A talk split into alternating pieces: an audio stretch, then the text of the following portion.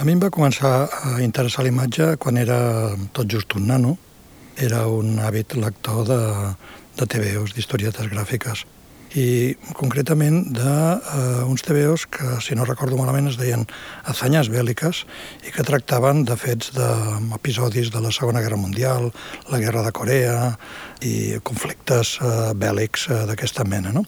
Aleshores, jo era conscient de que estava llegint unes històries de ficció i en seguida vaig tenir la necessitat de comprovar quin grau de fidelitat tenien amb els fets uh, històrics, no? I això em va comportar anar per exemple, al Mercat de Sant Antoni, buscar revistes d'època, el Liberty d'Estats Units, eh, eh, Adler d'Alemanya, revistes de propaganda que es publicaven als anys 30 i aleshores eh, doncs, em permetien retallar les imatges i confeccionar àlbums. I aleshores a casa tenia, estic parlant de quan tenia 10 o 12 anys, eh? tenia els, els tibeos, no? i al costat eh, aquests àlbums que documentaven els retrats dels generals, els models dels avions, dels tancs. No? Aquesta podia ser la, la, la protofotografia que va començar a interessar-me. No? Eh, per altra banda, per raons familiars, el meu pare tenia una agència de publicitat, el món de l'imatge el vaig viure molt de prop, eh, per exemple, les vacances, en comptes d'anar-me'n a la platja, com altres nanos, a mi m'agradava anar a veure què feien els fotògrafs a l'estudi, a les sessions amb els models, els misteris del laboratori, i tot això em fascinava. I per altra banda, resulta que a l'escola on vaig cursar el batxillerat, el professor que impartia un parell d'assignatures, literatura i història de l'art, era un gran aficionat a la fotografia, eh, va instal·lar un laboratori a la pròpia escola i ens demanava als alumnes que els nostres treballs escolars els il·lustréssim amb fotografies que havíem de fer revelar nosaltres mateixos. I tots aquests tres components potser es van anar barrejant, van, van començar a, a, a donar-me eh, aquesta espècie de, de, de neguit per la imatge. Però jo diria que d'una manera més, uh, més seriosa uh, no seria fins que vaig entrar a la universitat, vaig cursar Ciències de la Informació i va ser potser en aquest moment que allò que venia a ser com un interès, quasi bé una afició, es va anar convertint a poc a poc en, amb una eina de relació crítica amb la realitat. Després, un treball pràctic en el món de la comunicació em va anar familiaritzant eh, amb la mentida, amb l'il·lusió, amb el simulacre.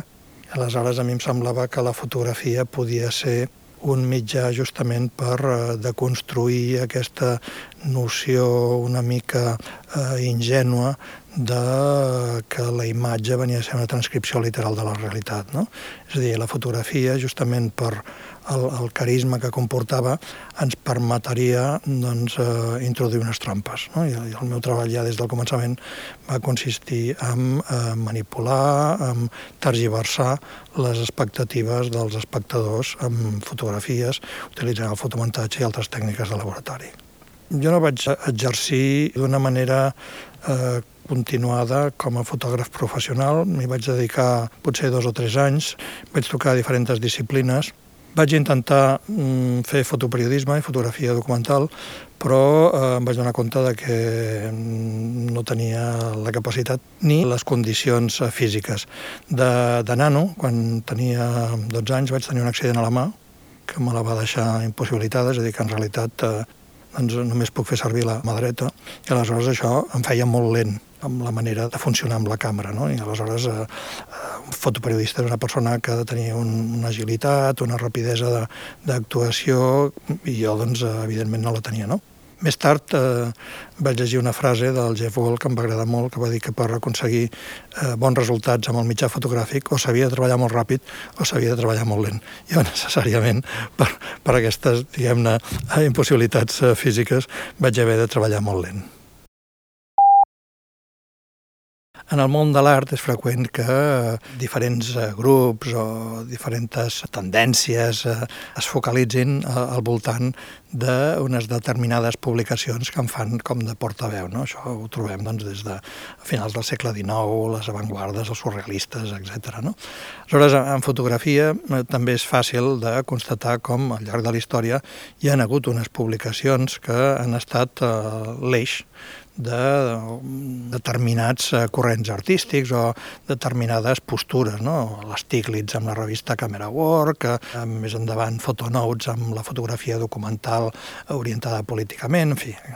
Aleshores, en la transició política aquí a Espanya, doncs tenim que als anys 70 va tenir un paper molt important la revista Nueva Lente. No? Nueva Lente va ser un òrga d'expressió d'una generació que preconitzava una manera d'entendre la fotografia diferent a com havia estat eh, més o menys doncs, portada per eh, eh, els fotògrafs anteriors, que eren els fotògrafs mm, de postguerra, documentalistes, vinculats a, a una certa sensibilitat eh, doncs, eh, neorealista, de l'humanisme social, aquest tipus de, de tendències. No? En canvi, el, als anys 70, eh, fruit de la, contracultura, de, de, dels moviments així és una mica doncs, el punk, el, els hippies, eh, en fi, tot, tot aquest eh, bull no? de, de, de sensibilitats eh, de revolta i de, de renovació i de qüestionament d'un cert ordre visual anterior, doncs fa que neixi una revista que és una amalgama absolutament caòtica i anàrquica de postures moltes vegades eh, contràries, controvertides i que es caracteritzen per una certa agressivitat visual, per una certa violència, per un inconformisme, eh, per a vegades un cert niquilisme, etc. No? Aleshores, eh, aquesta revista Nueva Lente, que eh, jo crec que caracteritza a, a aquesta dècada, té, com totes les publicacions, doncs, un cicle vital. Neix, es desenvolupa, arriba a la seva maduresa i llavors li, li ve l'agonia i mor. No?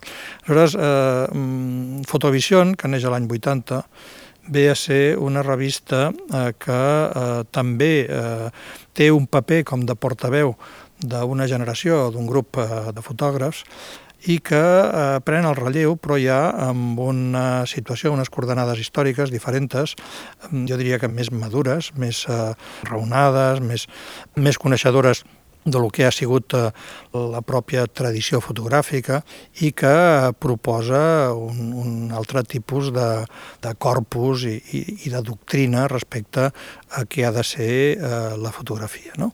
És una revista que intenta Mm, barrejar, per una banda, reflexió teòrica, eh, humanística i eh, creació. No? Aleshores, eh, pretenia reproduir les imatges amb una qualitat homologable a la de les millors revistes internacionals, eh, buscar col·laboracions literàries també d'una certa qualitat, d'un cert rigor, etc. No? És a dir, d'alguna manera presentar eh, l'anàlisi de la creació fotogràfica des d'una de, un, una seriositat i una qualitat que dignifiquessin doncs, el que fins aquell moment s'havia considerat un art menor o un, un tipus de, de creació eh, completament eh, secundària. No? I per altra banda hi havia una, un rerefons també eh, que era que eh, en els anys 80 eh, l'estat espanyol encara era un país, diguem-ne, de, de segona categoria, eh, que eh, anhelava integrar-se al tren europeu. I aleshores eh, hi havia una voluntat de donar a conèixer una creació que ens semblava al nivell i que senzillament doncs, no mereixia l'atenció internacional que ens semblava que era digne de tenir. No? És a dir, que va ser també una plataforma per difondre tot el que s'estava fent, eh, no només a Espanya, sinó també a Latinoamèrica. No? És a dir, va haver-hi una voluntat de que el, el, el castellà fos eh, un nexe eh, d'unió entre la, la producció fotogràfica que s'estava fent a l'estat espanyol i la que es feia doncs, a països llatinoamericans. Es van fer números monogràfics sobre fotografia mexicana, sobre fotografia argentina, es va presentar clàssics de la fotografia latinoamericana, com Martin Chambi, com Álvarez Bravo, etc. No? I eh, la idea era aquesta, eh, doncs, eh, dir, eh, o sigui, la fotografia als Estats Units doncs, té un nivell eh, fenomenal, la fotografia a Europa té un nivell fenomenal, però eh, des d'aquests països doncs, eh, que, que també existeixen hi han projectes, hi han autors, eh, hi han produccions fotogràfiques que també haurien de ser tingudes en compte. No?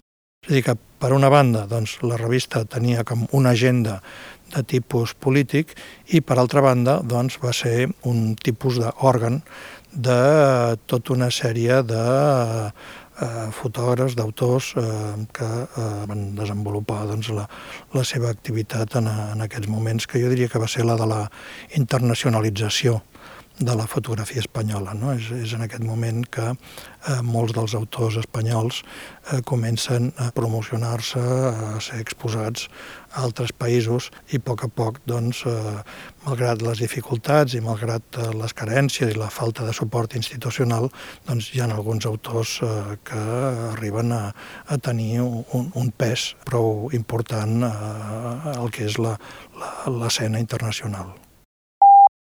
A Fotovision eh, érem quatre fotògrafs, l'Ignacio González, l'Adolfo Martínez, el Rafa Levenfeld i jo mateix. No? Jo actuava com a redactor en cap. Eh? Eh, va ser una iniciativa, una espècie d'aventura romàntica, perquè des del primer número fins al darrer vam perdre diners i eh, la nostra idea era fer una revista amb un contingut eh, doncs, sòlid no?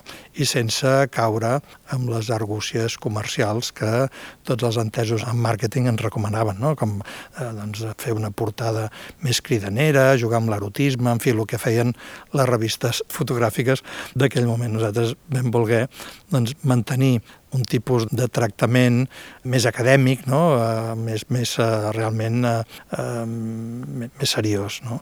I això ha donat a les nostres escassíssimes o les nules habilitats uh, comercials van fer que doncs, fos una iniciativa doncs, uh, des del primer fins a l'últim número vam estar eh, perdent-hi diners, no vam ser mai capaços de, de recuperar la inversió feta, eh, fins que, com acostuma a passar, les despeses van ser tan eh, inaguantables que vam haver de, de tancar.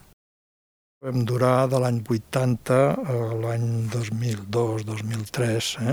Després va seguir encara dos o tres anys fent els números eh, online, eh, electrònics, sense publicar en paper, la qual cosa doncs, permetia uns estalvis evidents. No? De tota manera, eh, jo diria que en 20 anys eh, Fotovision deixava de tenir un sentit ideològic, no? és a dir, Fotovision era una causa, no? venia a ser una publicació que defensava uns valors ideològics que en l'any 2000 ja no tenia sentit. I per altra banda, l'any 2000 la fotografia estava perfectament consolidada, eh, hi havia altres publicacions més o menys eh, amb el mateix tarannà, per exemple, Èxit, no? que tenia una fórmula semblant, i que eh, eren portades professionalment eh, doncs, eh, amb, amb, amb, molta més, amb molt més coneixement de causa no? i amb molta més eficàcia des d'un punt de vista de rentabilitat i, i funcionament eh, professional. No? Diria que, que eh, Fotovision va ser sempre un projecte amateur, no? un projecte passional, un projecte visceral, fet per eh, quatre bojos que eh, creien amb, eh, amb el valor de la fotografia, que, que doncs, eh, s'hi desvivien, però que eren absolutament incapaços de, de fer balanços o de pensar en distribucions o de pensar en, que cal fer perquè una publicació doncs, eh, funcioni des d'una perspectiva comercial. En els anys 90 hi ha una revolució eh, tecnològica que en el fons eh, no és més que la resposta a un canvi a la climatologia política, econòmica, ideològica, etc. del moment. No? La tecnologia no evoluciona perquè sí, sempre ho fa en funció d'uns paràmetres eh, més, més globals que eh, obliguen a unes determinades respostes tecnològiques. No? És a dir, en els anys, per exemple, 90, estem entrant en un altre tipus de, de plantejament. No? I aleshores apareix aquesta tecnologia digital, apareixen les càmeres digitals, els escàners, Photoshop, etc etc, que trastoquen el que podia ser la substància íntima de l'imatge fotogràfica, de manera que l'estructura de l'imatge ja no obeeix a un plantejament, podríem dir, eh, de registre o d'inscripció, com ha estat fins ara, sinó que passa a un tipus d'estructura de, més semblant al de l'escriptura. Per mi, la fotografia representa una anomalia a la història de les imatges. Per exemple, el dibuix genera una imatge a base d'una seqüència de pinzellades. Vol dir que ens enfrontem amb un espai buit, una pàgina en blanc, aleshores el primer que hem de decidir és a on comencem la primera guixada, per dir-ho així. No? I un cop hem decidit un determinat punt entre infinits punts possibles, hem de dir cap a quina direcció, quina llargada i de quin color Aleshores, el dibuix, com l'escriptura, no és més que una seqüència de decisions sobre unes unitats gràfiques que poden ser operades individualment. En canvi, en fotografia, eh, en 1839, neix un sistema que eh, trastoca completament aquesta forma gràfica seqüencial perquè genera una imatge sobretot una superfície. Podem intervenir l'imatge, però qualsevol intervenció tindrà uns efectes sobretot a la superfície. Podem enfocar, podem filtrar, podem canviar els tons, etc. Però qualsevol acció que fem no és sobre una unitat particular, no sobre una pinzellada o sobre una lletra, sinó que és sobretot a la superfície. No? I aleshores, passa la fotografia analògica, tornem a la fotografia digital i recuperem aquells elements del dibuix, de la pintura i de l'escriptura. El que passa que en comptes de ser pinzellades són píxels, però una altra vegada construïm la imatge a base de seqüenciar unitats que poden ser operades individualment. No? Aleshores, penso que això, aquest, aquest canvi, eh, doncs, mm, tindrà tota una sèrie d'efectes de, de, completament fonamentals amb la nostra relació amb l'imatge. No? Per exemple, per començar, la fotografia tradicional és més procliu a la descripció, a mostrar la superfície. En canvi, la fotografia digital serà més procliu a la narrativa, perquè la construïm també seqüencialment. Però, inclús més important que això, no? ens trobem que després d'aquesta primera onada de revolució digital, a partir de l'any 2000, en ve una segona, eh, molt més forta, que vindrà caracteritzada potser per internet, per les xarxes socials, per la telefonia mòbil, és a dir, per tota una sèrie de conseqüències justament d'aquesta eh, conversió de la plata, eh, de les sals de plata en píxels, perquè eh, aquesta conversió no només permet una mecànica funcional eh, formativa diferent, sinó que el que fa és desmaterialitzar l'imatge. O sigui, l'imatge ja no és cos, sinó que és ànima. La imatge ja no té suport, sinó que viu a la pantalla. I al viure a la pantalla, doncs, està aquí i està en lloc, està tot arreu. Això el que possibilita és la seva circulació. I aquesta circulació fa que arribem a una producció massiva d'imatges que resulta com una espècie de tsunami iconogràfic que trastoca completament el nostre eh, environament, el nostre hàbitat diguem-ne, en el que estem submergits. No? Aleshores, eh, eh, eh, estem avui en dia, jo diria, amb una, amb una situació de tal proliferació d'imatges que la nostra relació amb l'imatge ja no és la mateixa. No? I en aquest sentit és com si haguéssim de canviar o d'ajustar les disciplines que ens han estat funcionant fins ara per eh, analitzar, per conèixer l'imatge, no? l'estètica, l'epistemologia, la sociologia, l'antropologia, és a dir, ja no és el mateix. Eh? Un, una imatge a l'edat mitjana era un element amb uns components màgics o religiosos o místics. No? Avui en dia l'imatge és una cosa absolutament banal, no? i aquesta banalitat doncs, fa que eh, hi tinguem un altre tipus de, de relació molt més prosaica. No? Eh, amb la fotografia tradicional parlàvem d'instants decisius, uns instants que privilegiaven un determinat moment històric. No?